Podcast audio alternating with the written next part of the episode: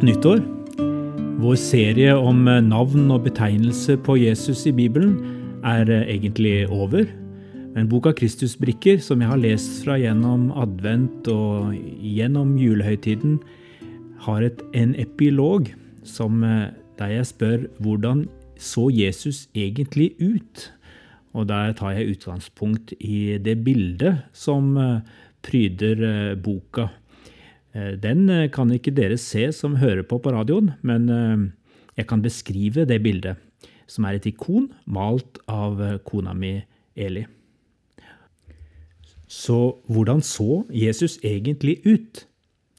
Han er den usynlige Guds bilde, den førstefødte før alt det skapte, for i ham ville Gud la hele sin fylde ta bolig, og ved ham ville Gud forsone alt med seg selv, det som er på jorden, og det som er i himmelen, da han skapte fred ved hans blod på korset, står det i Kolossebrevet kapittel 1. Kan du male Kristus for meg? spurte jeg kona mi, Eli.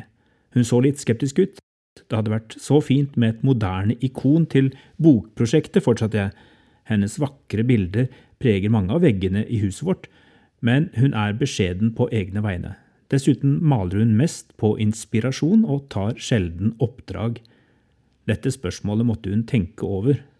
Å fremstille ansiktet til Jesus er å trå helt inn i noe av det aller helligste i menneskers trosliv, for vi har alle våre subjektive bilder av ham.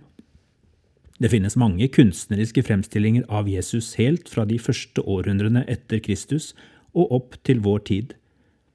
Enhver kultur har en tendens til å male Jesus i sitt eget bilde. Eksempelvis kan han i nordeuropeisk og amerikansk sammenheng gjerne fremstilles med lys hud og blå øyne. Kanskje er det et talende uttrykk for selve inkarnasjonen, at Gud er blitt et menneske som vi alle kan identifisere oss med. Eli lot seg inspirere av ikonet som kalles Kristus pantokrator, den oppstandende allherskeren som styrer hele universet. Dette ikonet henger i Katarina-klosteret ved foten av Sinai-fjellet i Egypt. Ikonet er et av de eldste og mest kjente bevarte ikoner laget en gang på 500-tallet.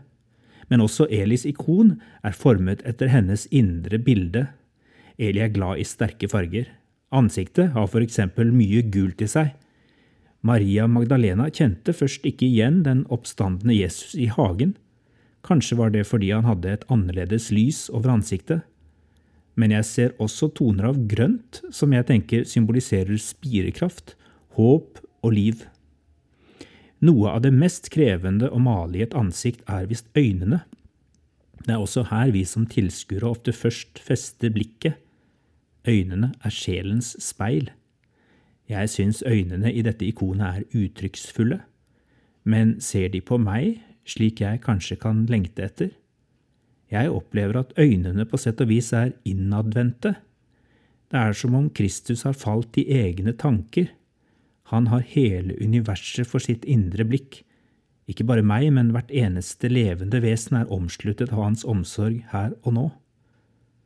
Resten av kroppen er ikke med i dette ikonet.